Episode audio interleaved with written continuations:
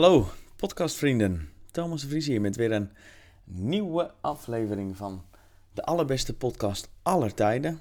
Maar vooral de podcast voor verhalen en ideeën die je beter maken, Act It Out. Met vandaag een gast die ook een uh, goede vriend van me is. Uh, ook wel mijn uh, investeervriend genoemd, uh, Thijs van Bruksvoort. Waar we het gaan hebben over, je zag het al in de titel van de podcast, financiën en investeren. En dat is een onderwerp wat ik interessant vind. Um, A, omdat ik er um, um, erg enthousiast over ben.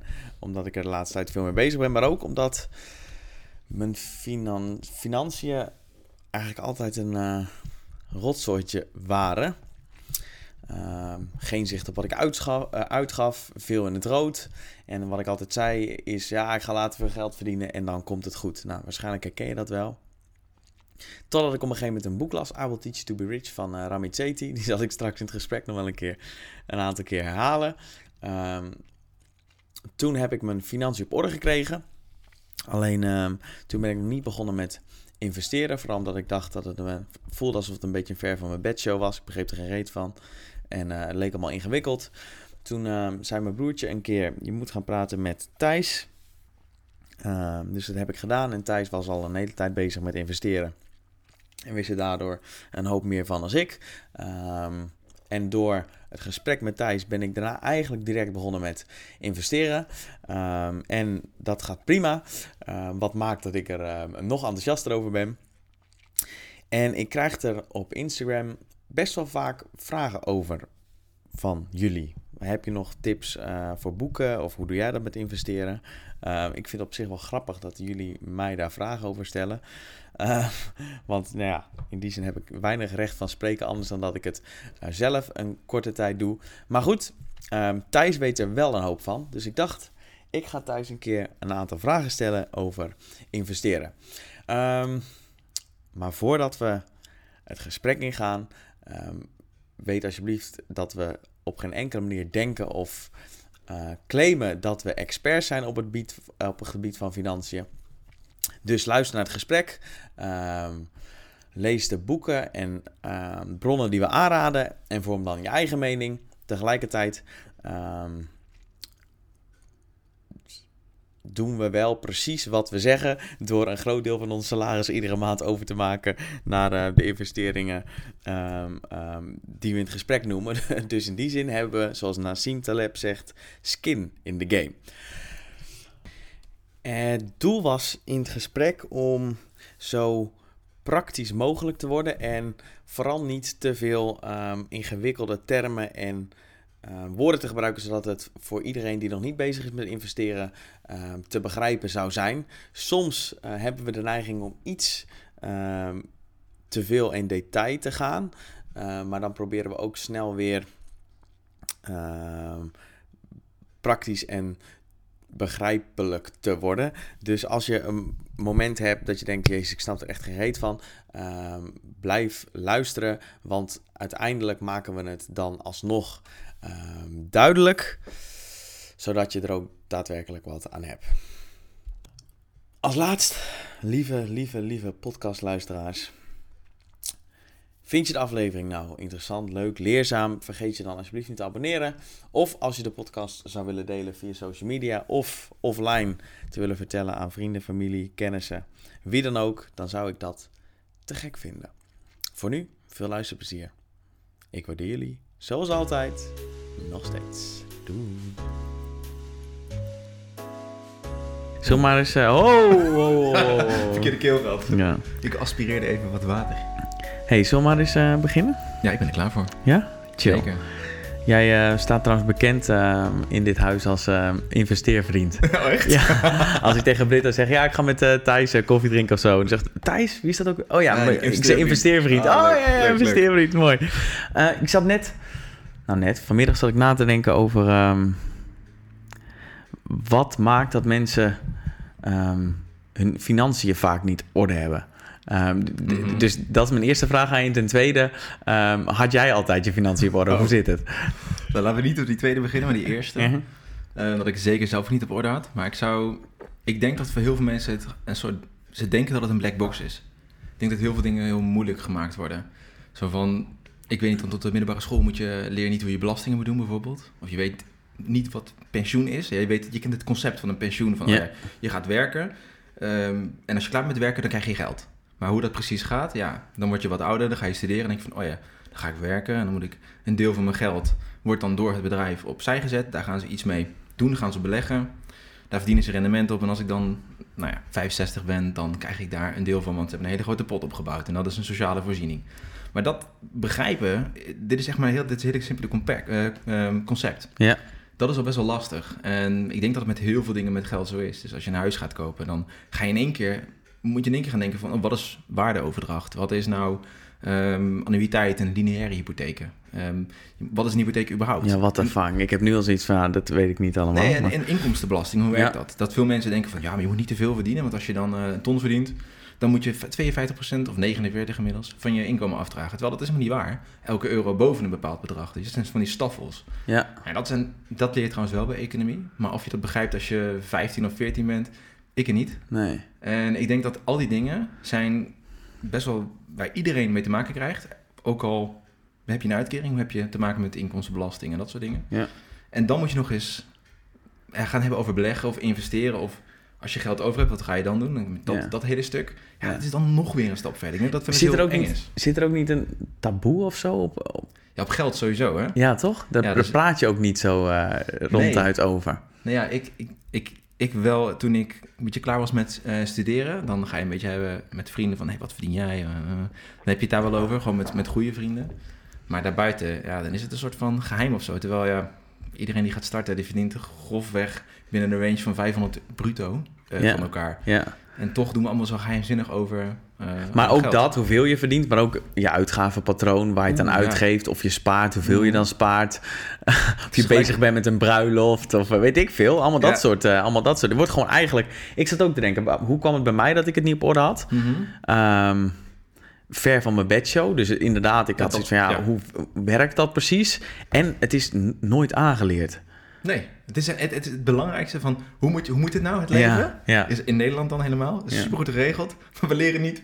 We leren wel de stelling van Pythagoras en uh, cosinus en tangens. En, eh, De hoofdstad van Zimbabwe, maar niet... eh, ja, en dat je een, een veenlaag hebt in de grond en zo. Dat, dat kan nog best wel handig zijn. eh. Tuurlijk, maar zeker. niet hoe je belastingaangifte moet doen. En nou ja, als je later gaat werken, wat gebeurt er dan? Ja. Wat gaat er dan voor jou veranderen? Maar hoe ging dat? Hoe was jouw eh, situatie voordat je hiermee begint? Eh, nou Begon? ja, ik ehm, was eh, heel lui altijd. En ik heb altijd gewerkt, dus ik was 12 en ik had mijn eerste bijbaantje als eh, eh, folderbezorger. Van, die, van die verpakte folders in plastic. Ja, En die ging ik dan bezorgen en dan kreeg ik 15 euro per week. Nou, dat was mooi. En dan ging ik dat, had ik 15 euro en dan ging ik op de middelbare school pizza broodjes kopen, picanto's. Nou ja, tuurlijk. je kent het wel. En vervolgens had ik nog een baantje erbij bij de snackbar. Heb ik heel lang gewerkt. Dus het, in, achter een, in de, sta, in de staakerven was dat. Gingen we echt friet bakken. Ja, dat was super mooi en dan verdien je geld mee. En het later... Eigenlijk dat ging wel goed, maar ik gaf het altijd uit. Dus ik ging studeren en ik kreeg geld. Ik kreeg een beurs. Mijn ouders waren zo vriendelijk om een deel van de huur te betalen. Ehm, maar ik moet wel zelf werken voor mijn geld. En ik dacht, nou, ik heb het geld verdiend. Ik ga het uitgeven. Dan dacht je van, oh, over drie maanden wil ik misschien op vakantie.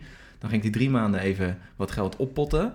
Of vaak niet eens. Of ik ging het gewoon even niet uitgeven. Eigenlijk ging het vooral niet uitgeven. Ja. En dan kon ik op vakantie. Maar vaak op vakantie was het... Oeh, moest ik het dubbeltje omdraaien. Wat was, wat was de gedachte voor jou om het gelijk uit te geven? Wat, wat dacht je over Hmm. later?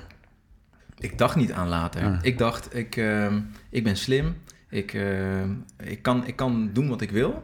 eh, Later. En ik ga la- later ga ik, ga ik dat precies, en dat is precies wat ik ook dacht. En dat is wat ik van iedereen hoorde. Van ja, weet je wel, nu, is, nu Nu is- geniet nu ik. En Ja. eh, nu geniet ik en later ga ik veel geld verdienen, dus dan komt het wel goed. dan dat is ook wat ik altijd dacht. Ja, en dus ik, dan denk je ook van, oh, maar later, dan ga ik pas veel geld verdienen. En dan, dan ben, ik, ben ik er klaar voor. Terwijl, het is precies andersom. Als jij 18 bent en je bent klaar, je hebt, eh, je hebt gewoon een praktijkopleiding gedaan en je gaat eh, werken, maakt niet uit als wat. En je kan iets opzij zetten, al is het 100, 200 euro per maand en je doet dat. En je doet dat consistent. Dan, Ja. en dan kijk je naar iemand zoals ik die, wat is het, eh, 26 was toen hij begon, of 27 was toen hij begon met echt goed te investeren. Dan heb je acht jaar Ja. voorsprong of negen Ja. jaar voorsprong. Daar gaan we het, gaan we het zo over hebben, sorry. inhoudelijk hoe dat werkt. Maar, eh, Eh, wanneer, wat was... later. Nee, Ja. klopt. Totaal niet. Wat was de switch bij jou? Ehm, dat ik... Ik, heb, ik heb een, eh, fysi- ben fysiotherapeut. Dan werk je eh, eigenlijk een soort van voor jezelf. eh, bij, een, bij iemand die, nou, heb je zo'n ruimte die je huurt. En dan moet je ook je eigen pensioen betalen. Dus je moet verplicht deelnemen aan een pensioenfonds. En toen dacht ik, hoe zit dat dan? Kreeg ik een een boete van een paar duizend euro. En toen dacht ik, oh, maar dat heb ik helemaal niet. Dus ik moest gaan bellen voor een betaalregeling. En toen dacht ik, ja, ik ben eh, 23, eh 24. Hoezo weet ik dit niet? Nou, toen ben ik gaan, daarin gaan verdiepen. Daarna ben ik bij een start-up terechtgekomen. Eh in de gezondheidszorg ook. En daar, er was een investeerder die deed deels eh, belegadvies in een soort, ehm, ja, een soort radio-uitzending Ja. van de beurs. Alleen dan met beeld erbij. En dat was dan voor particuliere investeerders van Alex en van Bink. En wij deden dat voor de zorg. En toen zat ik met, met de lunch met die beurshandelaren, die gasten die dit verslag daarvan deden, te praten. En ze hadden het hele tijd over, ja, ehm het was met, gezegd met Griekenland, met die, met die, met die miljarden, ehm, eh, dat, dat, dat opkopen van, van die schulden van de, van, van de Grieken. En toen dacht ik me van, ja, ik weet helemaal niet waarover dat gaat. En toen was het nog erger, daar kreeg ik helemaal geen eh, pensioen. Toen moest ik alles zelf gaan doen, ik moest zelf gaan sparen. En toen ben ik gewoon die gasten aan gaan spreken van, ja, hoe doen jullie dit? En toen gingen ze keihard lachen van, ja, ik wil niet eens dat mijn baas pensioen betaalt. Ik zeg, hoezo niet dan? Ja, dat kan ik toch zelf doen? Ik zeg, ja, hoe Ja. werkt dat dan? dat Nou, en dan? toen heb ik eh, het boek eh, The Intelligent Investor eh, aangeraden gekregen van Benjamin Graham. Ja. Ben ik gaan lezen. En eh, dat is voor mij de omkeer geweest. Ben ik gewoon echt als een gek gaan lezen, podcast gaan luisteren. Ehm Maar en had je ook- gaan doen. Ha, Ik, heb, ehm, ik las als eerste I Will Teach You To Be Rich van Ramit Sethi. Ik zet ze Mhm. overigens allemaal in de show notes. Ehm, Maar toen- toen dacht ik, toen ik het las, toen dacht ik, huh? Kan dit? Ik kan dit. Ja, nou, kan je dit gewoon zo, eh, dit volgen en dan uit... Nou, ik vond het zoiets fascinerends. Ik, dit kun je gewoon doen. Dit is gewoon, ik hoef het alleen maar te implementeren. En dan, hoeft er, dan, dan kan ik dat gewoon doen. je hoeft niks extra's Ja. te leren.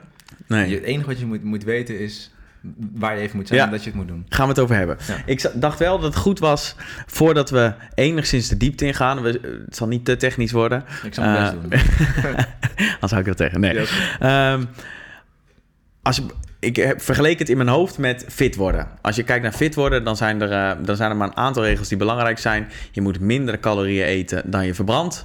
En een paar keer in de week sporten. That's, That's it. it. That's it. Toen had ik gisteren na te denken over wat is nou de 80-20. Dus zeg maar hetzelfde wat voor fit worden is calorieën en sporten. Ja. Wat is dat voor financiën? Als jij dat zou moeten zeggen. Mhm. Dus je, die financiën onder controle krijgen. En dan ook eh, op langere termijn welvaart te bouwen. Mhm. Wat is de 80-20 volgens jou? Die is, dit is heel simpel. Dat is leven onder je stand en spaar, investeer wat je over hebt. Ja, dus geef, En- en- geef, geef minder uit dan je binnenkrijgt en investeer de rest. Ja, en blijf uitschulden.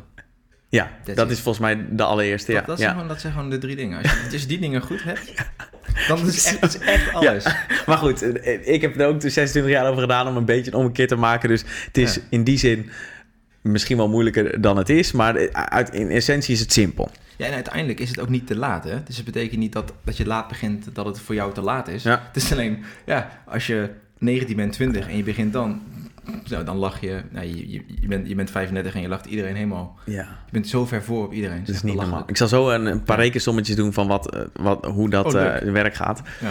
Kun je ehm, compounding interest uitleggen? Dat, Ja. is, dat is de reden waarom te investeren zo interessant is. Dat is compound interest. Ja. Ik heb nog geen Nederlands woord. Samengestelde rente. Samengestelde rente. Of samengesteld rendement. Ik vind compound interest cooler. Ja, alles klinkt in het Engels cooler zo'n beetje. Cool, leg het uit. Oké, eh, rente, of eh, interest is rente, dat is Ja. of rendement. Ehm, dat is het principe dat als jij ehm, een investeer of een belegging doet, dus je geeft ergens je hebt 100 euro en je belegt het in een, in een aandeel of je leent het van de bank en dan krijg je een bepaalde rente op. En die rente is bijvoorbeeld 5%. Dan betekent dat jij, en dan krijg je het per jaar krijg je het uitgekeerd. Dan krijg je, als je het elke jaar dat je bij die bank bent, krijg je 5% rente. Dat betekent dat je 5 euro krijgt. En vervolgens, als je het gewoon aan blijft houden, dan heb je 105 euro. En dan krijg je 5% over 105 Vijf. euro. En dan krijg je dus 5 euro nog iets, of 6 euro of zo, van Ja. 105. En dan wordt het dan 111. En dan wordt het, nou ja, en op een gegeven moment gaat het door. En het grappige is dat dat geen lineair verband is, maar exponentieel. En Ja, dus lineair is een rechte streep omhoog. Dat is met dezelfde... ja, bij lineair Snelheid, punten. ja. Heb je twee punten, dan kun je een lijn doortrekken. En die is altijd die is recht. Maar bij exponentieel betekent het dat die ehm, eigenlijk gewoon als een soort hockeystick omhoog vliegt. Ja, dus er komt een soort kantelpunt dat het in één keer echt knijterhard gaat. Ja, ja denk maar aan ehm, als je... ehm, eigenlijk het makkelijkste is misschien nog wel het verdubbelen. Dus als jij telkens een, een cijfer pakt... Bijvoorbeeld Fibonacci heeft zo'n, eh, Ja. ook zo'n soort reeks. Dat is een soort van... eh, bij Fibonacci is het 0, ehm 1. En dan krijg je 1 plus het voorgaande getal is dan... Laten we zeggen 1. Dus 1 plus 1 is eh 2. En 2 plus 1 is 3. 3 plus 2 is 5, 8, 13, 21, 40. eh, Ja. ik- en dan ga je door. En dat op een gegeven moment, dat het zo hard omhoog, dat je dan, dan is één jaar of één getal is echt een, im- immense sprong. Ja, En compound interest is hetzelfde. ja volgens mij is de makkelijkste 2, 4, 8, Oh, ja. 16, 32, 64, 108. En op een gegeven moment gaat het echt als een Ja, idioot. ik- dat ik- is... Ik, Ja. moest- ik moest denken aan het Zie je- clubpoker, dan moest ik denken Toen aan je Fibonacci. Fibonacci dacht ik, oh nee, niet ingewikkeld. Oh nee. Ja, maar dat is kwadranten. ja, dus eigenlijk eh, exponentieel. Exponenten, ja.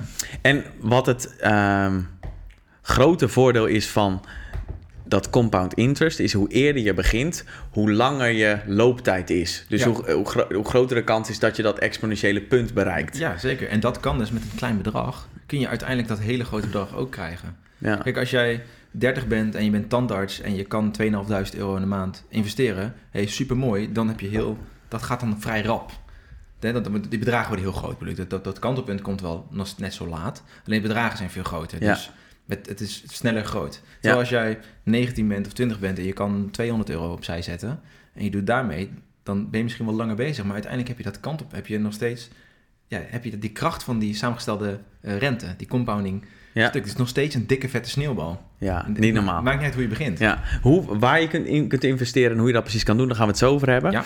Ehm, maar eerst, ik, ik heb laatste keer eh, met zo'n eh, compound interest calculator heb ik Oh, wat dingen ja. zitten uitrekenen. Toen kwam ik erachter dat als ik stel dat ik kinderen krijg Mhm. en ik stop 100 euro per maand van een, een eerste levensjaar tot hun dertigste, ik doe dat gewoon ieder, wat echt niet veel is, 100 euro hè. Dan hebben ze op hun dertigste hebben ze 170.000 euro. Ja. Dan kunnen ze hun eerste huis kunnen ze betalen. Als ze dat vervolgens van hun dertigste tot hun zestigste zelf nog doen, Ja. dan hebben ze geloof ik 1,4 miljoen. Ja. Maar dat is toch fantastisch? Met 100 euro in de... What the fuck, Het is zo simpel. Ja, Ik het zei, is echt zo simpel. ik zei dat tegen mijn broer, die heeft kinderen. Ik zei van, hoe doe je dat? En ik zei, hey, als je 50 euro per maand doet voor een kind van 0 tot eh, 18 jaar... of eh, 7, 25 jaar, dan heb je iets van 37.000 euro. Maar jij zegt, als ik tot 30 doorga, heb ik 170.000 euro.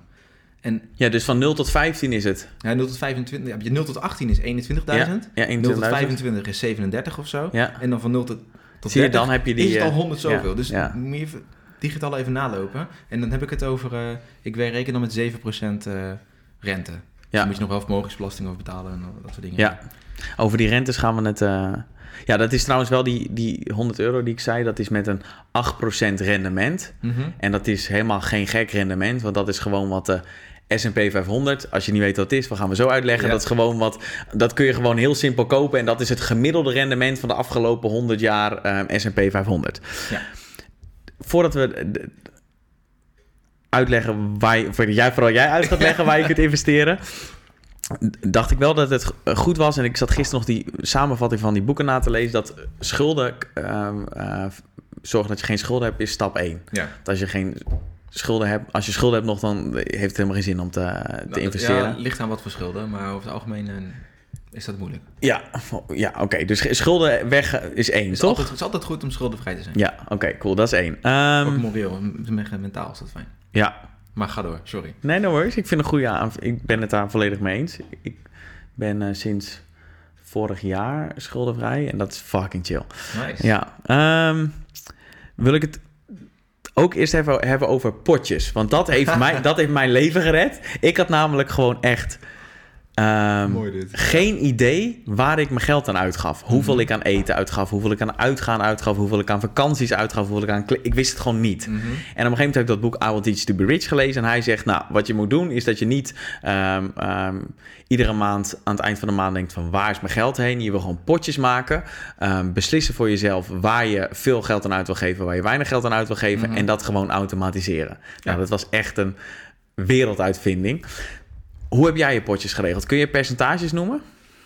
Ehm, ja, ik denk het wel. Eh, ik, ongeveer 55% van mijn... Ik heb het over netto inkomen. Ja. En dan heb ik even mijn, eh, mijn reiskosten, wat ik...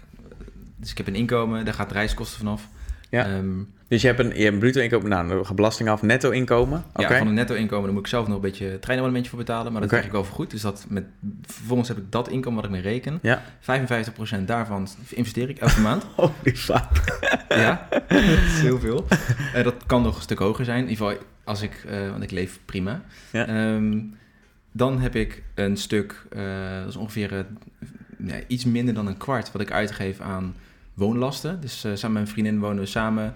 Hebben we, maken we kosten voor eigenlijk alle gemeen, gemeenschappelijke lasten die we Ja. hebben. Dus dat zijn eh, huur, eh, dat zijn alle belastingen waarvoor we de afschrijvingen doen. Dat zijn afschrijvingen voor eh, de auto en de autoverzekering. En daarbij sparen we ook nog eh, een deel, klein deel daarvan voor leuke dingen samen. Oké. Want, eh, dat zijn dan etentjes, eh, kleine vakanties, Ja. dat soort ongein. En verder heb ik, dan hou ik een bedrag over waar ik ehm, zelf mee kan doen wat ik wil. Ja, eh, guilt-free spending noemt Ja, het. eh. Oké. En daar geef ik volgens geen potje aan, want dat kan, eh, als ik zin heb om AirPods te kopen, dat ik hem, denk ik, hem twa- drie maanden geleden gedaan heb, Ja, dan ga ik naar apple.nl en dan kijk ik niet eens naar, ik kijk eerst naar een goede aanbieding. Ja. Maar dan denk ik, ja, ik, ik moet ze hebben. Ik heb het geprobeerd met, met mijn vriendin eh, daar geprobeerd en dan koop ik het gewoon. En dan betekent het dus dat ik nog maar, nou ja, de rest van het geld over heb voor. Eh, Maar de daar zit, daar zit zoveel waarde in dat je gewoon alles, dat je weet hoeveel geld je in welk potje stopt. Aan het eind van de maand heb ik ook. Dan zie ik gewoon nog, nou, dit is het geld dat ik Ja. uit kan geven. En Ja. dan kun je het gewoon uitgeven aan wat je ja, wil. Ik ben nog één ding vergeten trouwens. In die potjes heb ik ook nog, ik heb dus dat, ik heb 55% gaat naar mijn, eh, eh, eh, mijn eigen mijn investeringen. Ongeveer 25% gaat naar die gezamenlijke pot. Dan kom je op eh 80% uit. En dan gaat van die 80% gaat er iets van 10% gaan naar ehm, abonnementen. En dan heb ik eigenlijk 10% van mijn inkomen wat ik gewoon elke maand lekker uit mag geven. Ja. En als ik daar iets van overhoud, meestal laat ik het gewoon staan als mijn volgende buts met geld eh, komt. Ja. Maar dan heb ik eigenlijk, ik denk ongeveer 5 tot 10% van mijn inkomen is fun money.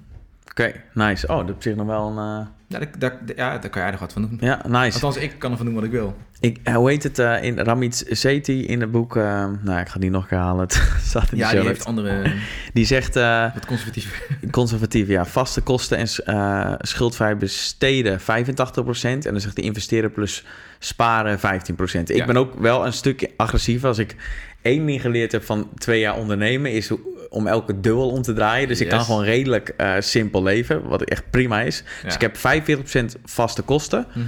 Ehm, en dan heb ik 17,5 sparen, 17,5 investeren. Sparen is overigens bijna eh, klaar, want ik wil eigenlijk altijd gewoon 10k op mijn, eh, Ja, dat- op mijn bank Heel hebben. goed, dat heb ik van jou, Ja. overigens. Omdat dat genoeg is voor een rainy day. En als er wat misgaat, dan kun je dat gewoon doen. En dan wil ik het altijd op houden. Ehm, dus dan zou het naar 35% investeren gaan. Dan heb ik 15% schuldvrij eh, spenderen. Dat is heerlijk. Ja. Ik denk dat, he- dat het hele reële en hele gezonde ook verhoudingen zijn. Ja. Heb je nagedacht over, dat vind ik een mooi concept, over dingen waar je veel geld aan uit wil geven? Ja. En ook dingen waar je niet veel... Ja. Kun je een aantal dingen noemen waar je veel geld... Ik eh, probeer zo min mogelijk mijn geld uit te geven aan uit eten gaan. Ehm, Wat grappig, dat is precies waar ik geld aan uit wil geven. ja, ik, ik vind eh, gaan koffie drinken en gebakjes eten, gewoon dat soort dingen, dat echt guilt-free. En gewoon goede koffie, goede koffiebonen.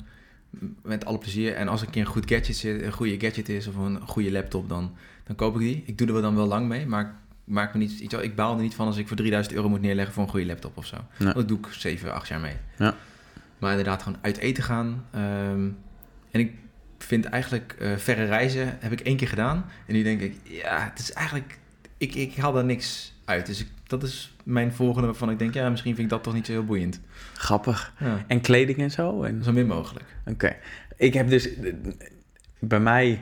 Ik koop bijna nooit koffie ergens. ik eet nooit gebak. Tegenovergestelde. Maar nee, ik vind dus de ervaring van ehm, uit eten gaan en Mhm. dat soort dingen. Ja, ik, ik moet, heb wel echt moeite om 12 euro van een gin tonic af te rekenen. Dan word ik, dat vind ik gewoon echt niet leuk. Maar gewoon uit eten gaan vind ik hartstikke leuk. Mhm.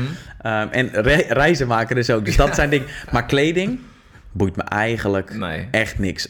Auto heb ik ook niet. Oh, ik, heb, nee, dus Nee. probeer ook... Nee, auto. ik zou zeg. nooit een dure auto kopen. Oh, nee. Dus ik, ik vond dat heel mooi, dat ik gewoon eh, vrede Ja. heb met ehm, gezond, ook gezond eten. Dus dat ook over het algemeen wat duurder, maar ook uit, Oh ja, daar maakt mij ook niet uit. Gewoon, uit eh, eten, gaan vind ik ook leuk. En ver reizen maken voor de rest heb ik gewoon niet zo heel veel nodig. Ik heb een prachtig mooie laptop. Ja, Ehm, ik zie je, mooi man. ja, ik, heb de top. gro- ik heb de grotere variant. Ik heb twee eh, microfoons waar ik leuke dingen mee kan doen. Ik heb Ja. een iPhone. Wat heb je nog Prima. meer nodig? Ik, echt prima. Ja. Echt prima. En maar als je een keer iets nodig hebt, dan koop je het. dan koop je net, ja. Ja. Ehm, heb je het ook helemaal geautomatiseerd? Ja. Ja. Ja, ik heb echt net ehm, ook een extra ding toegevoegd.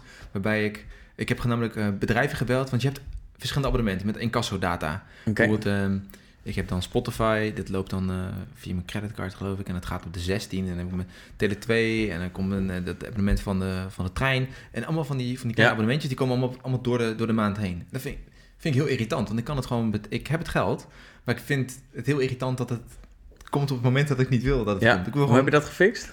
nou, ik ging dus bellen naar de NS. Ik ging bellen naar Swapfiets en al die andere eh, gasten. Om te zeggen, ja, kan mijn incassodatum gewijzigd worden? maar dat kan dus niet. Nee, klopt. Maar Dat heb ik dus ook gedaan. Ik heb gewoon een extra IBAN aangemaakt. Ik heb eh, Bunk, die, eh, dat is die bank. En dan kun je gewoon eh, on- ja, iets van 25 verschillende IBANs aanmaken. Maar potjes en rekeningen. Ah En ja, Daar kun je ook gewoon direct van betalen. Ja. Dus ik heb gewoon een, een, een rekening gemaakt met die heet incasso's. Heb ik uitgerekend wat ik eh, per maand aan kwijt ben aan incasso's. En dan gaat dan, Daarvan af. ja, Ja. gaat hem daar naartoe en dan Ik kan heb ik het daarop accepteren. Met ING kun je gewoon ook onbeperkt potjes aanmaken. aanmaken. En ik doe alle... Ik heb gewoon ook letterlijk telefoonrekening, fitness, eh, Spotify. Allemaal, gewoon de- allemaal uitgerekend. Eh, ja, gewoon een categorieën. verzekering. En dan heb ik gewoon precies elke maand aan het begin... als mijn salaris binnenkomt, gaat het erheen. Ja. En dan heb ik alleen een reminder in mijn agenda... van oké, je moet even openmaken naar de... ja, want jij moet dit dan waarschijnlijk weer terugboeken. Ja, en dat Ja. is wel, dat is het enige. Maar goed, prima. Ik vind het, vind het oké. Het is in ieder geval ge- gefixt gewoon. En ik zie het- Ja, dat alles gewoon doorsluist. Echt top. Ja. Ik- Ja. dat is echt een nerd in ons. Ik vind het echt top om dat te zien. ik Maar, het- maar fijn. ook omdat de andere kant, als je geldstress hebt, Mhm. van niet echt controle over hoe- hoeveel je geld je hebt en waar je het aan uitgeeft en waar het blijft. En dat je niet echt spaart. Het is echt een relaxed gevoel gewoon. Oh man, dat is echt heel irritant. Dat is echt heel irritant. Zeker als je een variabel inkomen hebt. Ja, Dan maakt het dat nog echt een stuk, ehm, ja, een stuk spannender. ja. Dan ben je, kijk, komt het eind van die maand en dan eh, wil je, ja, als er dan een, een keer een belasting teruggave, eh, eh, heffing komt, dan denk je, oh, niet nu. Ja, echt hè? Ja, dat is vreselijk. Maar ja, Oké, stel je hebt je schulden heb je ehm, weg, geen schulden meer, onder controle. Kijk, onder controle. Kijk, die, die schulden, de enige die opmerking die ik wilde maken is een studieschuld in het oude systeem. Als jij 30 jaar lang mag doen over studieschuld, studieschuld terugbetalen. ja, omdat de rente zo laag is, toch? Ja, ik heb nu bijvoorbeeld 0% op mijn studieschuld en ik heb hem stopgezet. Oké. Waarom zou ik iets afbetalen, geld ergens uitgeneven, als ik er niks mee... Ik heb geen pijn ervan. Ja. 0% kan ik beter zelf... eh, Ja, ja nee, eens. En dat, had, ik het daar met jou over? nee, Dat als je was gaan studeren in het oude leenstelsel Mhm. en je had maximaal bijgeleend en je had dat, Dan, ja. en je had dat in de S&P 500 gestopt. Wauw, dan Ja. had je dat had het Ja. nu dat hoe lang was dat geweest? In 2008 of zo, 9, tijdens die financiële crisis ging die, ja, dan word ik wel technisch weer, maar gehele ehm, markt stortte in. Kon je heel goedkoop, kon je aandelen kopen. Als je dat toen had gedaan, joh, dan had je nou echt, had je tonnen gehad, denk ik. Had je wel aardig wat winst gemaakt Had je wel als je blijven zitten. Ja, oké, als je wel een blijft paar jaar, had je wel een paar jaar moeten blijven volhouden. hè? Ja, Dus- tuurlijk. Maar je moet, Tuurlijk. mensen vergeten, vergeten, vaak, eh, vergeten vaak de psychologie erbij. Klopt, daar gaan we het over. Daar gaan we het over hebben. Maar goed, sorry. stel je, hebt, eh, je bent schuldvrij of je hebt nog een eh, met 0% een, een studentenleen. Ehm, je hebt je potjes gemaakt, dus je hebt ook geld over om te investeren in Mhm. een aandeel of ergens in. Ja. Waar kun je dan investeren? Ja, waar allemaal? Welke, welke beleggingsproducten? Zo noemen ze Ehm, dat? Ja, kort dan en dan degene die je aan zou raden, dus gewoon indexfondsen. Je kan heel snel. Je hebt eigenlijk een soort eh, van risico, eh, heel laag risico tot heel groot risico. Ja, En zou je dat ook nog uit kunnen leggen wat dan risico betekent? Ja, risico is de, het risico dat je eh, niet een rendement had of een negatief rendement haalt. Dus, ja, dus niet je- rendement is een, ergens iets... Nou, sorry, leg jij Ja, het dat je gewoon je geld kwijtraakt. De, de kans is groter dat je als jij een, eh, iets met een hele grote hefboom hebt, dus de kans op een hele grote winst en heel veel verlies, dan kan je alles mee verliezen. En de kans daarop eh, bestaat.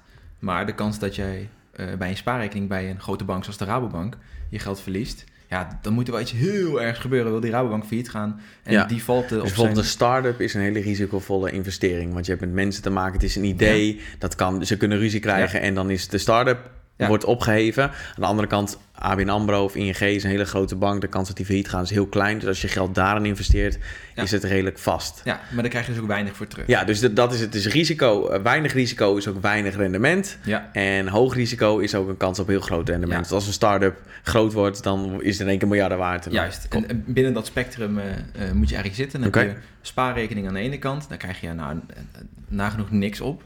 Eh, dan heb je eigenlijk deposito's. Deposito's zijn een soort leningen die je kunt eh, uitgeven. Die worden uitgegeven waar jij... ehm, wat je dan doet is, je, zet je geld vast aan de bank bijvoorbeeld... voor drie maanden, zes maanden, negen maanden. Eh, dat kan twaalf maanden zijn. Dat kan ook drie jaar zijn trouwens. En dan krijg je net iets meer rente voor. Dus vaak is dat tussen de 1 en de 2 procent. Dan heb je eigenlijk de obligaties. Dat zijn ehm, leningen die worden uitgegeven door de overheid of grote instituties. instituties Dus eh, een Rabobank, maar veelal overheden. En wat de overheid dan zegt is je geeft je geld aan de overheid en je krijgt een gegarandeerd rendement voor een looptijd van, nou, vaak is dat 3, 5, 10, 15, 20, 30 jaar. En die, dat rendement is vaak wat, hoe langer het duurt, wat eh, iets kleiner Ja. eh, tegenwoordig. En dat betekent dat als jij, eh, als die matured, dus dan betekent als die lening volwassen wordt, dan krijg je je inleg terug, dus die 10.000 euro. En je hebt elk, stel je hebt, ehm, even om het duidelijk te maken, Ja, je hebt is tien- tien- een obligatie en wordt uitgegeven door de overheid met een looptijd van 10 jaar en een rendement van 5%. Dan geef jij 10.000 euro aan de overheid. Elk jaar vang jij 5% op die 10.000 euro. Die krijg jij gewoon van de, van, Ja. de, van de overheid. En na 10 jaar krijg je die 10.000 euro weer terug. En heb jij Plus dus, dat rendement. Ja, nou, Ja. het rendement krijg je al. Oké, dat Dus krijg dan, je. dan, dat rendement verdien je, dat is dan je inkomsten. En dan krijg je gewoon 10.000 euro terug en dan kun je er iets anders mee doen. Oké.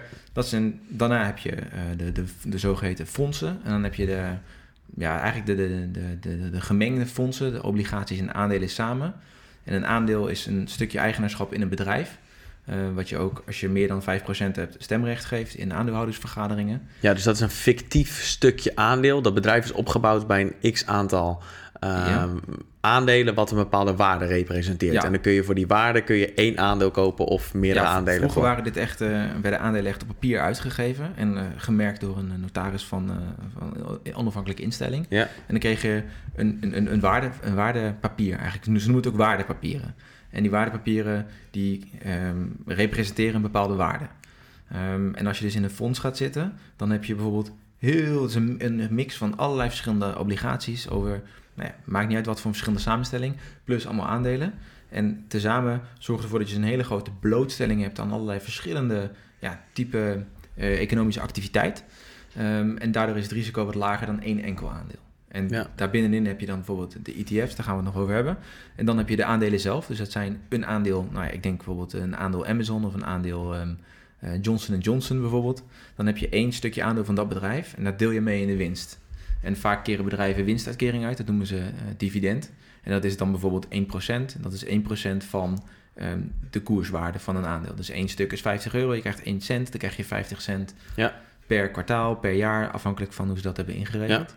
En na die, eh, na die aandelen, dat zijn vrij risico... Nu nu komen we aan het risicovolle stuk. Ja, want Ehm, je hebt één bedrijf, is heel risicovol, omdat je afhankelijk bent van, Van het één één bedrijf. bedrijf. Dus, één schandaal is, is min, Exact. min 30% van het bedrijf is min 30% van jou. Ja. En als je in dat fonds zit met 1500 bedrijven, ja, dan kunnen de 500 het goed doen en, die, en, en 500 Exact. slecht. Dus Dan daarom is een fonds met meerdere bedrijven, dan spreid je eigenlijk een risico over meerdere Ja. bedrijven uit, waardoor je dus minder risico Ja, loopt. En daar geldt ook weer hetzelfde. Dus dat de, zeggen, de, de potentiële winst bij die fondsen is dus afhankelijk van de potentiële winst van elk individueel aandeel. Maar het verlies Ja. wordt daarmee ook door beperkt. Dus de volatiliteit is de mate van waarop ehm, iets omhoog en naar beneden kan gaan. Dus de, de bewegingsruimte van, of de, de- eigenlijk de beweging van de, van, van de Ja. golfbeweging van de koers, is daar ook mee beperkt. Maar bij een één aandeel kan dan natuurlijk, ja, die heeft niet, die heeft niet een plafond of zo. En dat betekent dat je potentieel heel veel kan winnen, maar je kan potentieel ook alles weer verliezen. Ja. Nou, en dan kom je in het, in het risicovolle stuk met, met hefbomen. Eh, met hefbomen doe je dus bijvoorbeeld eh, opties en turbo's. En dan kun je dingen gaan doen zoals het recht kopen op een aandeel bij een bepaalde prijs. En dan kun je jezelf gaan lopen verzekeren, maar dat, dat gaan we Nee, daar hebben mensen moet niks niet, aan. daar hebben niks aan. Dus het dat blijft blijven weg. Ja, maar het idee van een hefboom is dat je bijvoorbeeld kan zeggen... ik heb zelf 1000 euro ergens inzetten... Ja. en ik aan mijn eh, broker, dus de, de bank die die aandelen verkoopt... kun je zeggen, nou, geef mij maar nog, nog eens een keer 1000 euro... Eh, want ik eh, doe het wetje dat Amazon eh 5% eh, omhoog gaat. Dat betekent dat je winst kan maken met die 2000 euro... waar 1000 euro van jezelf is. Ja. Dus de winsten worden weer heel erg vergroot... maar de verliezen zijn ook weer ongekend. Sterker nog, je kan dan in de schulden komen. Als je Maar dat- dit is, dit is niet met die 80-20, want hier Nee. moet je er helemaal induiken. Dus dit is niet interessant. Je hebt, vind ik eh, ook zelf niet boeiend. nee toch? Meer dan dit eh, wordt het niet. Oké, cool. Eh, maar dan heb je dus je hebt obligaties. Om het heel simpel te maken, obligaties zijn er wat minder risico, minder risicovolle eh, investeringen. En je hebt dan fondsen. Ja, aandelenfondsen of mixfondsen. Of, eh, Ja, zo oké. En je, zei, je noemde net ETF's. Ja, dat staat voor een Exchange Traded Fund. Dus dat is een Ja. fonds wat op de beurs verhandelbaar is. Dus vaak heb je een fonds. En een fonds heeft vaak een fondsbeheerder. Eh, en de fondsbeheerder kan bijvoorbeeld... ehm, ja, eh, dat kan de Rabobank zelf zijn. Dat kan een, eh, een iShares zijn van BlackRock. Dat is de gro- de grootste asset management groep tegenwoordig. Je bent enorm met de term aan het zwaaien. ja, ik probeer het. maar BlackRock kennen mensen misschien wel. Maar goed, dat is een fondsbeheerder en die heeft die fondsen in beheer. En die hebben dus poppetjes op bepaalde posities zitten die een bepaald fonds beheren en samenstellen. Dus die mensen bepalen welke aandelen in welke verhouding in dat Ja. fonds komen. Ja. En die worden daar ook voor, be- voor betaald. En als je een en dit fonds kun je niet, vaak niet op een beurs kopen. En op een beurs wil ik zeggen, ehm, zoals de Giro of Links of Interactive Brokers, dat zijn partijen Ja. waarbij je Kennen, kennen mensen denk ik ook niet, maar dat zijn gewoon... eh, het een- een soort bank. ja, een bank waar je dat niet dan kan alleen kopen. een spaarrekening kan Ja. kopen, maar je ook gewoon aandelen kan kopen. Maar die, dat soort producten kun je vaak niet bij de bank kopen. Daarvoor, dat noem je dan namelijk een exchange traded fund. En als het een exchange traded fund is, dan is een exchange is bij ons noemen ze ook wel de beurs. Dus een, een beursverhandelbaar fonds. En wat vaak een kenmerkend is voor, de, voor een ETF, is dat het ehm, op basis van een bepaald algoritme eh, vaststelt welke fondsen erin komen te zitten. En dat het vaak niet een persoon is die zegt, in deze verhouding moet eh, Apple met 5% en Waardoor de foutmarge van, van een individu gewoon kleiner wordt. Nou, je, vooral de, ehm, de beslissingen worden niet... Je hebt geen, bias, geen emotionele bias. Oké, geen, geen- menselijke... Oké, oké. Gaan we hem toch nog even... Want dit is heel veel informatie. Ja, en ik denk dat het... Maar nee, dat is goed, want het geeft wel context. Maar Mhm. als we het hebben over de 80-20 investeren... dan ehm, zijn er, wat mij betreft, twee dingen. Eh, als je een beetje verstandig wil investeren... dat zijn indexfondsen ehm, en obligaties. En vaak wordt er volgens mij ehm, aangeraden dat als je jonger bent... Mhm. Dat meestal is er een ratio. Dus je wil, je, als Ja. je jonger bent, kun je wat risicovoller investeren, omdat je nog jong bent en je hebt het geld in principe niet nodig. Ja, Ehm, dat is nog wel een goed ding om te zeggen. Als je de lange termijn, het heeft pas zin om die compound, die samengestelde Ja, rente te krijgen, ja. of het op een lange termijn vast te zetten. Dus als je gaat investeren, is het sowieso goed om te bedenken bij jezelf dat je Wat het is geld je horizon? Juist, dat, hoe lang wil je het gaan sparen en hoe lang heb je het Ja. niet nodig? Dus als je het volgende week nodig hebt, kun je het beter niet investeren. is Maar als je geld over hebt, dus als je gegeven dat je het een lange termijn vastzet, kun je aan het begin risicovolle investeren, omdat Mhm. je toch nog een hele langere periode hebt. Dus dan wordt er aangeraden om meer in indexfondsen Ja. te investeren. Dus meer in echte aandelen, Aandelen, yes. omdat het rendement daar over het algemeen hoog is, maar wel schommelt. Daar gaan we het zo nog over hebben. Ja. En ehm, wat minder in obligaties, wat meer veilige investeringen zijn. En naarmate je ouder wordt, eh verandert die ratio. Bijvoorbeeld van 9, wij nu 100% nul, omdat we risicovol investeren. Maar als we op een gegeven moment 40 worden, dan wordt dat misschien wel 80-20. En als we 50 worden, 60-40. Om dan af te bouwen naar een, eh, wie weet, maar af te bouwen naar een wat veilige investering. ja. Oké? Ehm, waar wil ik heen? Nee, oké, dus je hebt... Ja, ik, ja, ja, ik laat je even uitpraten. Nee, maar... eh, nou, dat is duidelijk, toch? Voor mij wel, ja. ja. Ja, voor je. Ja, ik dat is voor het de, luisteraar Maar ik denk ook wel, toch? Oké, heb je er een toevoeging? Want ik weet niet zo goed meer waar ik heen wil. Nou ja, dat heeft te maken met het, met het, met het risico. Het risico dat jij ehm, je geld kunt eh, verliezen nu, Beter. is, is we zeggen niet zo heel... Dat, dat, dat kun je dragen. Maar als jij vijf jaar voor je pensioen zit, dan wil je niet, liever niet dat je bij de eerstvolgende ehm crisis... Ja, dat je Want- 40% van je vermogen kwijt bent. nu heb ik hem weer, want dat is nog wel een ding. Want als je altijd 8% rendement kan krijgen, dan is er eigenlijk geen risico. Maar de markt Die die, is wel, schommelt nogal. Zeker. Dus je hebt, kun je daar wat over bull, bull en bear market? De, de, de Oh, ja, versie? De simpele De versie? simpele versie. Ehm, ja, je, hebt, je hoort vaak termen bull en bear. Dus dat is een stier en een, eh, een Ja. beer. En een bull markt betekent dat ehm, de investeerders long zijn. En dat betekent dat ze, dat ze dus positief... Het sentiment is positief. Ja, en het, ze gaat- blijven gaat, kopen. het gaat goed met de economie. gaat goed met de dus als het goed met de economie, denkt iedereen van... Oh, ja, dan krijg je die stijgende lijn. Ja, er zit er veel geld in de, in de Ja. markt. Dus er zijn bedrijven veel geld waard. Ehm, producten worden veel gekocht. En daarmee gaat de prijs van de aandelen gaan ook omhoog. Ja. Het is altijd zo dat er om de, nou, om de zoveel jaar heb je zo'n eh, zo'n piek. En een, maar dat wordt ook altijd gevolgd door een dal. In 2008 was een heel groot dal. Ja, dat was echt En- een, crisis. En nu Ja. komt de psychologie een beetje om de hoek kijken. Ja. Want op het moment dat het slecht gaat, Ja, zijn is- mensen geneigd om te denken van... fuck, het gaat slecht, ik moet verkopen. Ja, dus dan zit je in een bear market. Bear market. Dus als het markt langer dan drie maanden lang of zes maanden lang een beetje zo naar beneden kwakkelt, dus de markt is dan een afspiegeling van een, eh, ja, eh, de, de, de aandelenmarkt. Vaak noemen mensen dan de S&P 500, die je net ook al noemde. Dat noemen mensen vaak de markt. Ja, ja waar, waar ik investeer zelf in de S&P 500. Dat zijn de grootste 500 bedrijven ter wereld. En Eh, van Amerika. Van Amerika, sorry. En dat, ja, goeie. En ehm, dat index volgt, dat volgt gewoon die markt. Ja. Dus het rendement wat die 500 ehm, bedrijven bij elkaar maken, ehm, dat doet ook dat indexfonds. Ja, dat probeert dat na te bootsen. Probeert gaan het na te natuurlijk niet tot de, de komma nauwkeurig al die aandelen kopen. Maar ze gaan dus proberen, ze maken een soort... Ja, ze zorgen dat ze die... die ze noemen dat een index. Bespiegelen en het. die- Ja, die spiegelen het. Ja. Ja. Oké, dus als er een bear market is, mensen worden dan angstig en die Ja, verkopen dan alles. Die, die denken, oh, ik- ga mijn geld verliezen. Ik Ja. verkoop het snel, want anders heb ik nog meer verlies. Ja. En want in al die boeken staat over investeren, is dat als mensen eh, gierig worden, dan moet je. eh, dus als het goed gaat, gaat iedereen kopen. Dan worden Ja. mensen gierig, dan moet je helemaal niks doen. Yep. En op het moment dat mensen eh, niet gierig zijn, dus gaan verkopen, dan moet je gierig zijn. Ja, volgens mij is het iets van... ehm, eh, be, be fearful when everybody's greedy. Oh ja, be fearful and greedy. En eh, be greedy when everybody's fearful. Ja. en ook termen zoals buy when there's blood in the streets. Oh, it's red again. En dan gaan ze kopen. Ja. Dan zeggen ze, it's sale on Wall Street. Oké, cool.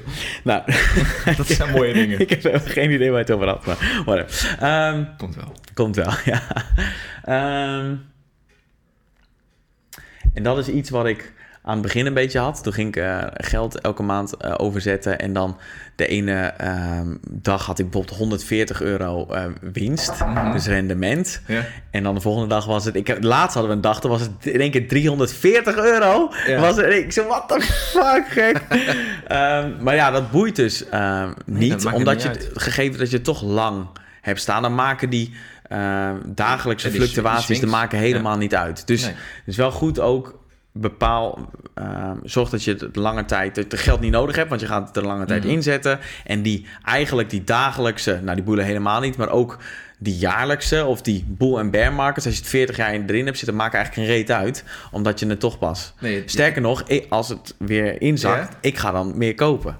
Heel goed. Maar dan moet, dat is ook psychologie. Dat moet je niet te veel doen. Want dan denk jij dus van, hé, het is nu een goede tijd. Maar wie zegt er niet Dat het nog verder dat gaat. nog verder? Dus Ja. wanneer ga je inkopen? Is dat bij min 10, min 20, min 30, min 40? Maar het grappige is dat ehm, juist dat lang blijven zitten is boeiend. Als je kijkt naar zeg, periode eh, 95 tot 2012 of zo. Is een v- 97, 2012. Ik weet het niet, niet meer precies.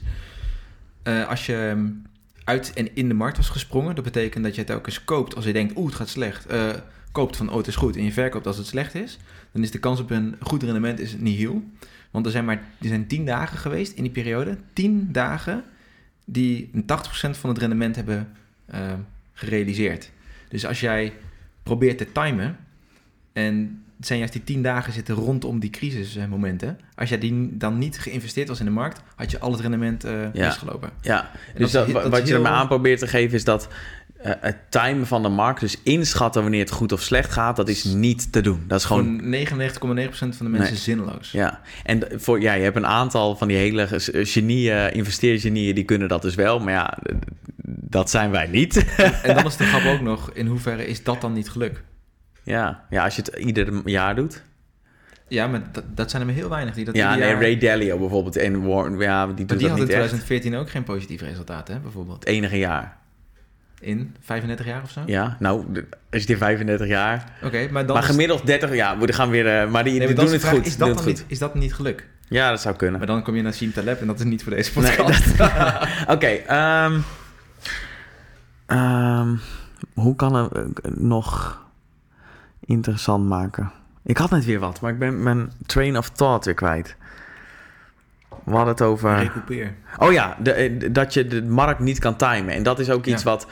Volgens mij, ik, ik weet niet of je dat in Nederland kan doen. Eh, ik zal zo zeggen waar wij investeren. Dat Ja. het echt fucking simpel is. Dat het een kwestie van overmaken is. En dan heb je, dan heb je het. Ja. Maar je hebt in Amerika heb je ehm, brokers of mutual funds. Dat zijn gewoon bedrijven die helpen jou investeren. Mhm. Maar die pakken ook een best groot, best groot ehm, deel, percentage Ja, van goeie. jouw rendement. Bijvoorbeeld 2%. Toen denk je van nou, als het 8% hebt, kan er wel 2 vanaf. Maar als je kijkt, ik heb berekeningen gezien van hoeveel dat is over 40 jaar. Dat gaat gewoon echt om tientallen duizenden euro's die ze gewoon Ja. afsnoepen. En dat is ook nog eens dat ze pretenderen dat ze het beter kunnen doen dan die indexfondsen waar wij in investeren. Ja. Maar dit is eigenlijk in alle gevallen ook niet zo. En dat komt omdat ze jouw belang niet in een. eh, eh, Nee, de prikkel is voor zichzelf. ja, zij, Zij- wil, zij willen winst maken en zij, willen, zij hebben niet eh, als hoogste prioriteit om jou te helpen. Nee. Toch? Nee, het gaat voor hun eigen portemonnee. Zij moeten zelf geld verdienen. Maar zo'n gemiddeld is volgens mij tussen de 1 en 1,5 procent is de kosten, de fees voor zo'n eh, voor een Ja. fondsbeheerder. Ja. En dat is best wel heftig, want die, die ene procent, als je dat meer uh, exponentieel doet over 60 jaar, is geloof ik iets van 30 of 40 procent van je rendement. Ja. Totale. Dus dan, dan betaal je dus 40 procent van het geheel, want dat hebben we het echt over heel veel geld. Ja. Ga je dan weggeven aan mensen die het niet beter doen dan de markt. Ja. En die dus eigenlijk niks hoeven te doen. Ja. En die worden betaald voor onkunde. Ja. Nou, daar moeten we echt mee stoppen. Ja. Ja, ik. dus, dat is waardeloos. Maar ik, ik vraag me af of het... Ik hoop dat het duidelijk is dat het... Die, die S&P 500 investeren, dat lijkt ingewikkeld... maar dat is een kwestie van account aanmaken... bij de Giro, waar wij het... of ergens anders, maar... Mhm. ehm, ik zat zo nog even over jouw, ehm, eh, jouw cheat sheet. ja. Ehm, maar dat is een kwestie van de cheat sheet lezen en het volgen. Maar letterlijk een account aanmaken... en dan dat, eh, die S&P 500 inzo- intypen bij de zoekfunctie... een aankoop doen, dus geld over... en dan heb je... That's it. En voor mij, in mijn hoofd staat... nou, investeer dat fucking ingewikkeld... en oh, dat is allemaal... eh, Precies. de, sla, dat is zo... Maar dit is precies- Het is gewoon alsof je een boek koopt op bol.com... en met de ideal afrekent. That's it. Dit is het. En dit Toch? is- weet je nog, jouw vraag aan het begin... waarom denk je dat mensen zo slecht met geld om kunnen gaan? Nou, ik denk dat het eerste stuk... hebben we het dan niet over, maar dat, laat staan het tweede stuk. Dat is echt een black box voor mensen. Die denken, oh, het is echt super moeilijk. En laten we wel wezen, er zijn zoveel complexe financiële beleggingsproducten en instrumenten op de markt. Ja, het, het, het wordt ook niet makkelijk gemaakt. Omdat Nee. als het echt zo makkelijk zou zijn, dan kan de hele markt er niet aan verdienen. Dus al die producten zijn er om, wat jij zegt, om die zakken van die mensen te vullen. Ja. Dat is echt, daar moeten we echt mee stoppen. Het is echt zo simpel. Maar dat, dat is, ook dat is hetzelfde als de fitnessindustrie.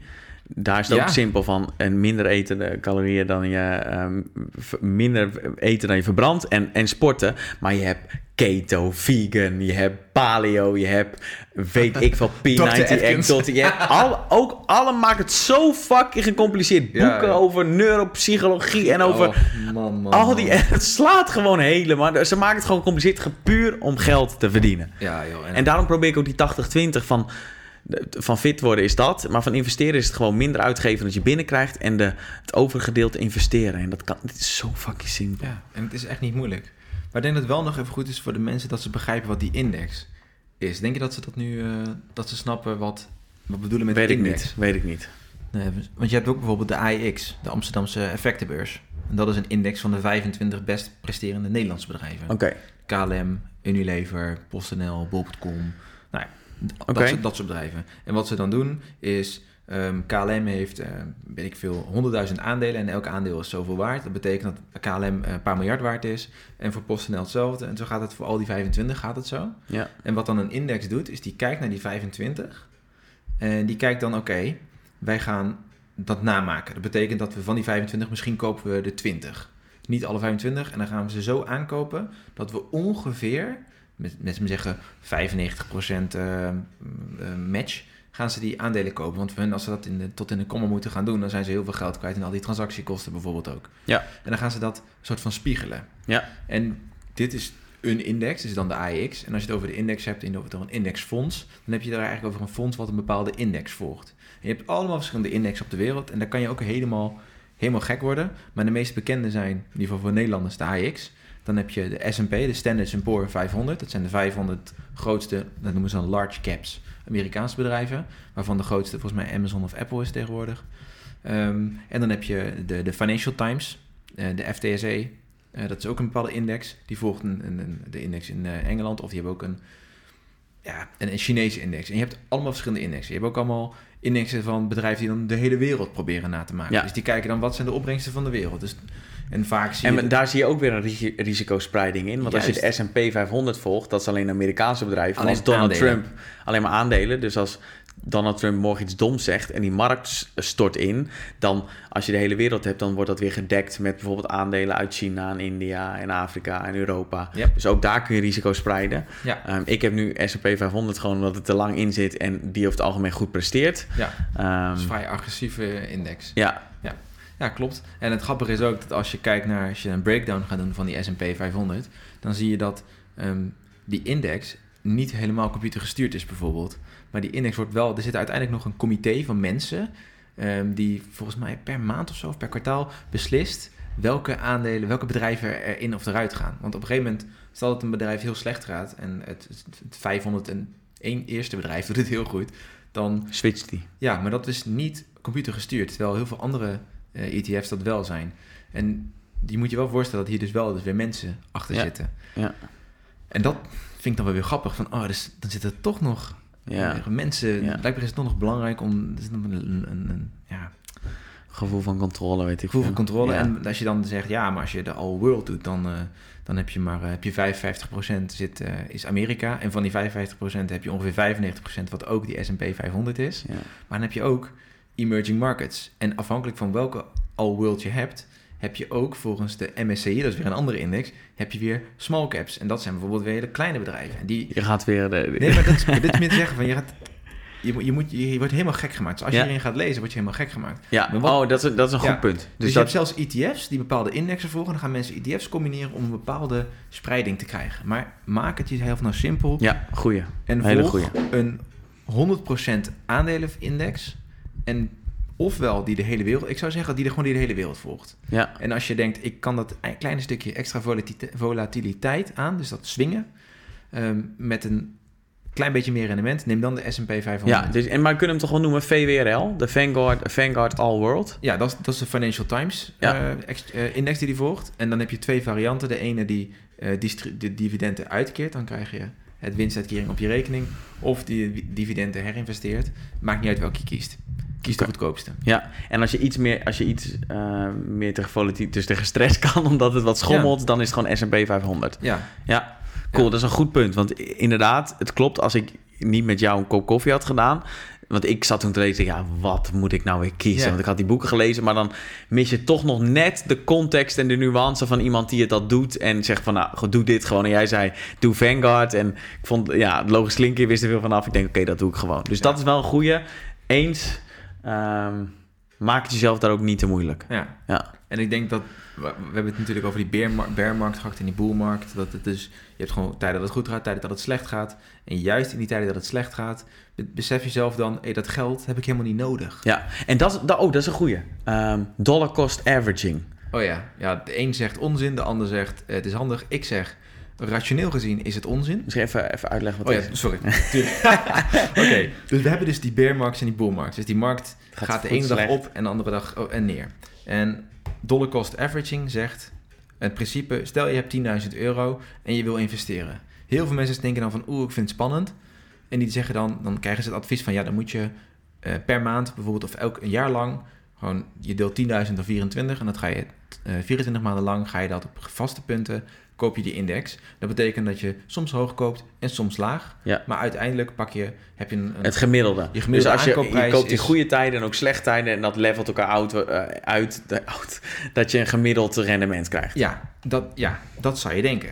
Maar het grappige is, op het moment dat je dus dat gaat doen, dan is de tijd waarover je, waar je daar, die je erover doet, is heel belangrijk.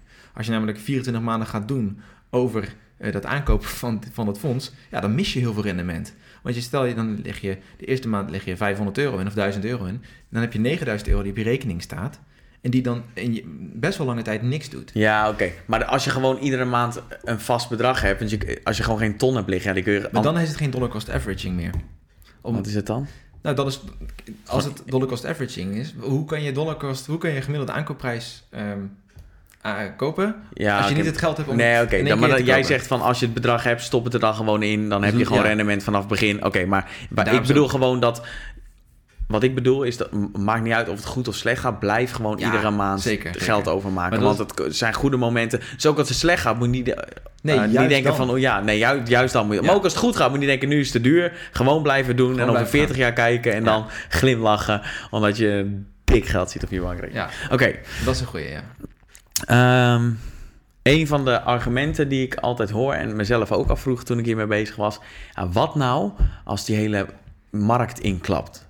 Wat nou als de S&P in... Wat nou als dat, dat klapt, die economie? Oké, en ehm, die hoor ik heel vaak. Ja. Oké, maar stel je, probeer eens in te beelden wat dat betekent. Anarchie. Nee, en wat betekent dat? Als, als de S&P 500 inklapt, laten we zeggen dat de 60% of 70% van de waarde verdwijnt. Dat betekent dat een bedrijf als Apple, even als een soort van gemiddelde nemen, 70% van zijn waarde verliest. En voor Microsoft hetzelfde, voor Kraft Heinz, voor... ehm, weet je wel, de- dat alle grote, dus eigenlijk alle grote bedrijven die ja, storten alle in. sectoren, alle financials, alle eh, nutsbedrijven, energiebedrijven, noem het maar op. Alles. Ja. Ja, dat, dat is totale anarchie, weet je. Dat, Ja. is, dat is echt... Nee, dan, dan hebben we grotere problemen dan je bankrekening. Ja, en als die echt inklapt, ja, dan, dan is er een of andere nucleaire ramp. En dan heb je toch niks aan de euro's. Nee, nee, Dan heb je niks. En je Nee. hebt ook niks aan goud. Je hebt, je, je hebt er allemaal niks aan. nee. Dus de kans dat het, natuurlijk gaat het gebeuren. Het jaar 1929, de Great Depression, bam, 90% naar beneden. Maar zelfs dan is het alleen heel erg als je net die maand daarvoor... Met, ja, want al, ja, als je in klopt, ja. 1910 was begonnen, dan was je in 1932 of 1931, had je alweer rendement. Ja, Weet ja. je, het- positief rendement dan. Ja. Hè?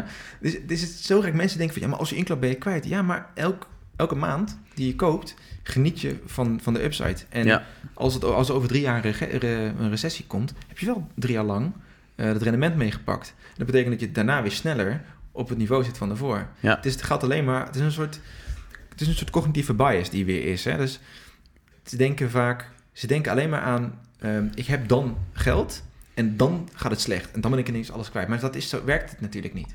Nee. Het is, het is oneerlijk om zo te denken eigenlijk. Je, je houdt jezelf voor de gek en dat is met, met heel veel dingen zo. Ja, Maar het is ontzettend moeilijk om voor de eerste keer, als je meemaakt dat, die- dat die 15% zakt, om dan, te, om dan echt... ja ik eh, heb te nog niet meegemaakt, maar ja, ik, ik, ho- ik denk wel dat ik er eh, tegen bestand ben. Ik, ik, ik kan niet anders. Dat komt goed. Ik denk dat het al Ja, pijn dan, doet. bel, maar- dan bel je mij, dan gaan we even een kop koffie drinken. En dan zeg ik, goh, je hebt een, spaar, je hebt een spaarrekening. Eh, ja, tuurlijk. No worries. Trek ik mee gaan kopen. Nee. Nog twee, eh, twee vraagjes. Yes. Eh, er is een concept dat heet... ehm, God, hoe heet het nou? Met die 4%. ehm, die, die afkorting. R, eh, eh, FIRE? Ja, FIRE. Financial Independence, Juist. Retired Early. Ja, Financial Independence tijd early. Ik kreeg een paar mensen op Instagram die eh, zeiden van... Ja, wat vind je daarvan? Fantastisch. Ja, ik niet zo heel veel, omdat ik dat niet wil of zo. Eh, vroeg met pensioen, dat niet, ik wil wel gewoon welvaart opbouwen, maar dat is niet echt een... De, de, de, de FIRE wil je wel, maar de RE wil je niet. Nou, ehm, Financial Independence, dat is mooi. Maar Retired Early hoeft niet. nee, ja, Nee. nee. maar dat is Ah. helemaal niet waarvoor ik het doe, zeg maar. Dus ik Nee. vind daar niet zoveel van. Ik vind wel, maar volgens mij vind ik het principe goed, want dat ken ik. Ik zou Mhm. dat kort uit willen leggen, wat dat is. Ja, dat betekent, het zijn eigenlijk twee delen. Dus financiële onafhankelijkheid en ehm, retired early, dus vroeg met pensioen. Ja. Dat betekent dat jij ehm, in een bepaalde dat je een fase hebt waarin je heel veel eh, welvaart, veel rijkdom opbouwt. En vervolgens ga je daarvan af leven. En als je dat slim doet, en je hebt een hoge savings rate zoals ik heb, dan zou je in principe na, laten we zeggen, 17 jaar, als je 50% spaart en je hebt een rendement van 8%, dan heb je na 17 jaar heb je precies ehm, eh, 25 keer je jaarlijkse uitgaven of zo. Ja. Maar goed, wacht, wacht, laten we iets terugdraaien, want dan kan ik het beter uitleggen. Dit gaat niet helemaal makkelijk. Die Eh, 4%-regel gaat het om. Ja, daar wil je het over hebben. Ja, Maar dus dat je, op een gegeven moment, je, wat volgens mij dat FIRE is, is dat je dusdanig veel geld opbouwt, Ja, dat, dat, je... je kunt leven van het rendement. Dus, eh, Ja, nee, klopt. Oké, nou heb, nou heb ik hem te zonder moeilijke concepten. Zonder moet ik... Want saving rate en zo, dan, oh, dan mensen dan worden... gaan we mensen gek worden. Oké. Je, hebt, je hebt een pot met geld. Ja. En die pot met geld is op een gegeven moment zo groot geworden... dat jij 4%, dus dat ik met de 4% Laten we een miljoen nemen. Voor makkelijk. miljoen. Dan is 4% 40.000 euro. Die haal je eruit. Ja. Dat je van die 40.000 euro jaarlijks al je uitgaven kan dekken. Ja. Dat betekent dat jij 4% dus eruit kan trekken. Dus als jij 25 keer 4% is 100%. Dus als jij 25 keer gespaard hebt wat je elk jaar uitgeeft... Dan zou jij in principe financieel onafhankelijk zijn. Ja, want, dat, want eh, het principe erachter is... hoeveel rendement zou je moeten hebben om die 4% eruit te kunnen trekken... en het geld niet minder te laten worden? Want in principe, als je geen rendement dat, hebt... is, dat is die 4% regel. Ja, want je hebt, als je een miljoen hebt en je trekt er elke jaar 40.000, dan wordt het minder. Maar, doordat je Als ook, je, ja, maar ook ja. omdat je ook rendement maakt op die miljoen, want als je het heb je op ergens de in staan, 96%. 96%, dan Ja. verlies je dus geen geld. Nee, sterker nog, er zijn, dat, dat- dit, is, dit is echt heel leuk. Dit, als je, Is het duidelijk uitgelegd? Nou, je hebt dus een pot geld, dat heb je in aandelenfondsen zitten. Ja, dus normaal gemiddeld 8% rendement. Ja, nou, laten we zeggen, laten we zeggen 7. 7, oké? En je gaat 4% eruit trekken over die 4% betaal je natuurlijk ook nog vermogensbelasting. Die moet je ook ergens van afhalen. Ja, dus die 7%, 7 van de miljoen is 70.000. Dus Eh, dat ja. verdien je elk jaar als je het in een eh, indexfonds hebt. Ja, maar Van daarvan, haal je maar 40.000 eruit. Want dat geef jij Ja. uit. Dus dat Ja. is eh, iets meer dan 3000 euro per maand. Ja. Ehm, dat betekent dat jij ehm, met die overige, dat overige geld moet jij voldoende rendement halen om die pot weer aan te vullen. En niet dat die miljoen weer een miljoen blijft. Dat die miljoen moet altijd boven het miljoen blijven. Maar 4% is minder dan het gemiddelde rendement op een S&P 500. Ja. Dat is 3%. Nou, 3% is natuurlijk, dat is in het meest gunstige geval. Je hebt tijden dat het beter gaat en slechter gaat. Maar de kans dat jij 30 jaar later nog steeds die miljoenen hebt, dat miljoen hebt, ja, is die miljoentje. die miljoentje hebt, is, is echt ongekend groot. Ja, Dus als je 4% eruit had, heb je iets van 96% kans van slagen dat jij Nog een miljoen hebt. dit- nog Ja. een miljoen- Sterker nog, er is een, als je 100% in aandelen zit, dan heb je volgens mij iets een kans van 92% dat je na 30 jaar, dat die 1 miljoen, dat is dan 10 miljoen geworden. Of 15 miljoen. En als je alleen in obligaties zit, in, in een bepaalde verhouding, is dat 10 miljoen geworden. Wauw. Het is echt bizar. Wauw. En dit, hier is een heel mooi onderzoek naar gedaan. Dat heet de Trinity Study.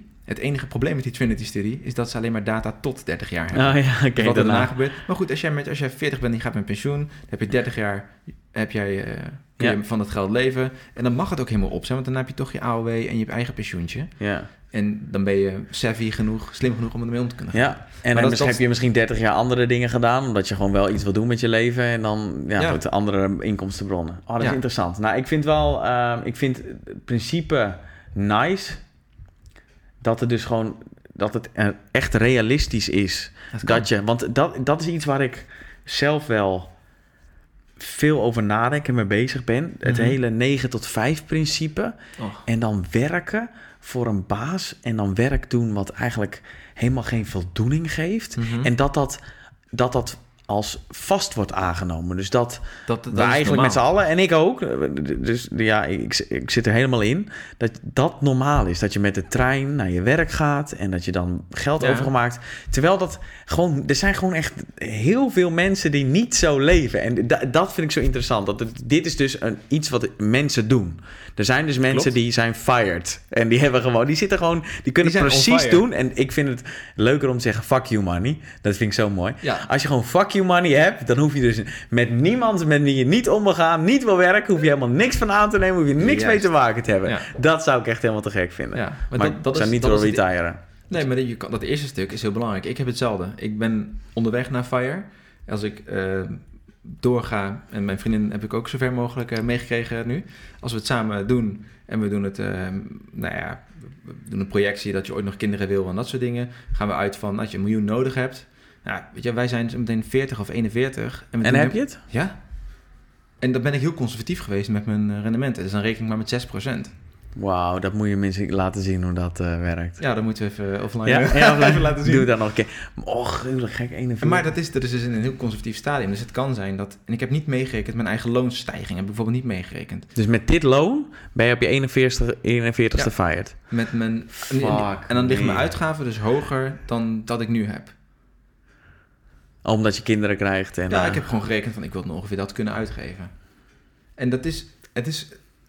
Het is mind-blowing gewoon. Op het moment dat je die, dat je die weet, dat je die, die wiskunde doet, dan denk je, hé, dit kan.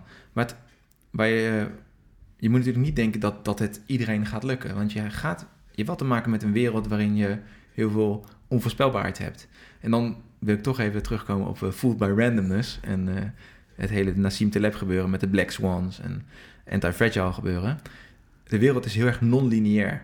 En het kan ook maar zo voorkomen dat wij precies nu in de periode zitten dat ik helemaal niet op mijn 41ste met pensioen kan. Dat, Ja. dat het gewoon echt een heel lange beermarkt heb. Ja, Ja. dan duurt het tien jaar langer. Oké, dan ben ik 50. Ja. Vind ik ook prima. Maar, de, de, Maar je moet het wel je Het- moet het gewoon doen. Ja, en, de, en het niet doen van de juiste dingen, dus de juiste acties doen, geeft al zoveel voldoening. Want je kunt die, die eh, onvoorspelbaarheid, daar kun je geen kut aan doen. Maar je kunt wel op dagelijkse basis de juiste beslissingen nemen die de kans het grootste maken dat je het de resultaten hebt Ja, dat je graag ja, wilt. ja. En, dat, en daarom vind ik dit zo leuk. Dat vind ik ook leuk met sporten en met voeding en zo. Ja. Als je dat gewoon doet, op een gegeven moment kijk je in de spiegel en denk je, nou, dit Ja, is best wel top. leuk, ja. Maar dat is ook als ik nu met investeren bezig ben. Ja, ik doe gewoon iedere maand doe ik gewoon de juiste dingen en het geeft me een fucking goed gevoel. Ja, en dat is dus eigenlijk is de hele financiële onafhankelijkheid. Het is gewoon een klein hoofdstuk uit je eigen leven. Ja, Maar het maakt je wel een beter mens, ja, vind ik. Ik, ik ben door dat ik denk, hey, ik wil niet, wat jij ook hebt, afhankelijk zijn van een baas die mij een salaris geeft elke maand. Ik wil Fuck you, man. fuck you kunnen zeggen. Ja, nee, maar en, en dat is ook nog leuk. Je helpt er ook, want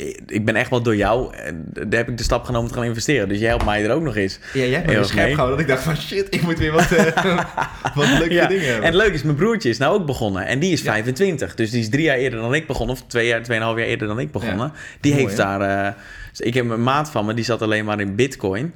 Oh en die heb ik uitgelegd, Money Master the Game. En toen heeft hij ook een deel, is die... eh, van- ja, het Hij is fucking eigenlijk leuk. verstandig, verstandig, Verstandig geworden, eh. Ehm, over je ehm, cheat sheet, Ja, die ik gebruikt heb om te investeren. ja, Ehm, eh, zouden we die op een of andere manier aan luisteraars kunnen aanbieden? ja. Maar dan wil ik hem wel even reviseren. Dat hij echt eh, wat, wat meer in je Janneke taal is en Ja. wat bondiger. Oké. En dan, ehm, als ze echt wat meer informatie hebben, moeten ze maar contact opnemen met mij. eh, maar die, die cheat sheet kunnen we denk ik wel gewoon beschikbaar stellen. Oké, en wil je dat nu al doen? Of moet ik gewoon zeggen waar ze jou kunnen vinden en dat je het... Wat is de makkelijkste weg voor mensen om het te kunnen downloaden? Laat ik het zo zeggen. Of wil je het pas bekend maken op het moment... Nou, ik denk dat ik het... eh, ik kan het gewoon op mijn site eh, Ja, zetten. Dat oh, ze cool. gewoon op mijn eh, website kunnen Oké, fixen. wat is dat? Dat is gewoon thijsvanbruksvoort.nl. Thuis van Bruksvoort. Ja, of gewoon koffiethijs.nl. Dan kom je er ook. Koffiethijs.nl Ja, gewoon zo. Cool. Ja. Oké, Thijs met H- TH, toch? Ja, ja, en daar eh, ga ik hem dan een deze dagen opzetten. En dan zal ik, moet jij gewoon even een linkje sturen of zo voor je Instagram-volgers waar ze me dat eh, Ja. kunnen vinden. Of ik geef me jou, dus kan je me ook eh, op jouw, jouw nee, site nee, maar ik zet, als ik hem gewoon, ik als ik goed. jou in de show notes zette, dan kunnen mensen gewoon Oké, dat aanklikken of en dan naar jou. En ik, nou, we noemen het nu, de, nu, nu, nu. Dus moet ik hem ook echt helemaal Nu? klaarmaken. Hmm. Ja, een beetje pressure. Nee, is leuk man. Ja, ja en ik, eh, serieus, ik heb er echt veel aan gehad. Dus als mensen hierin geïnteresseerd zijn, download hem even Thijs.nl. en dan kun je hem downloaden. En dan Yes. kun je vandaag nog beginnen. Ehm, Dat Denk- zou, maar dat zou ik niet investeren vandaag. Ik zou niet, eh, eh, hoe zeg je dat nou?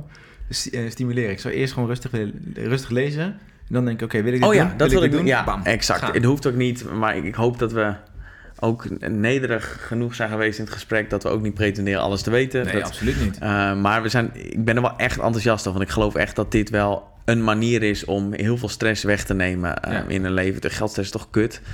Ja, zeker, maar als je dus niet weet wat je aan het doen bent... en dan gaat het een keer fout, dan is die ja, een exponentieel Ja. verband heb je dan. Ja. Dan, eh, dan shit hits the fan, weet je wel?